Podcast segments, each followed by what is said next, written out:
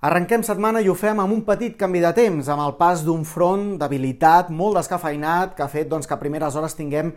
aquests intervals de núvols i fins i tot alguna gotellada, algun ruixat local a punts de la cara nord del Pirineu, de les comarques de Ponent i també de les de Tarragona. Ben poca cosa, misèria i companyia tot plegat i el sol dominarà durant gran part del dia amb la presència tan sols encara d'algunes bandes de núvols i ja sense precipitacions i vent del nord que bufarà la tramuntana a la zona de l'Empordà i una mica de mestral també al sud del territori, també vent als cims del Pirineu, amb molta calma i aquestes temperatures que es mantenen semblants o pugen més, per tant, poc fred a primeres hores i moltes màximes de 17 a 22 graus. La resta de la setmana es mantindrà aquest ambient atípicament primaveral per l'època, amb força calma, sol combinat amb alguns núvols sense precipitacions i totes les mirades estan posades a partir de dijous o divendres quan arribarà un canvi de temps més important,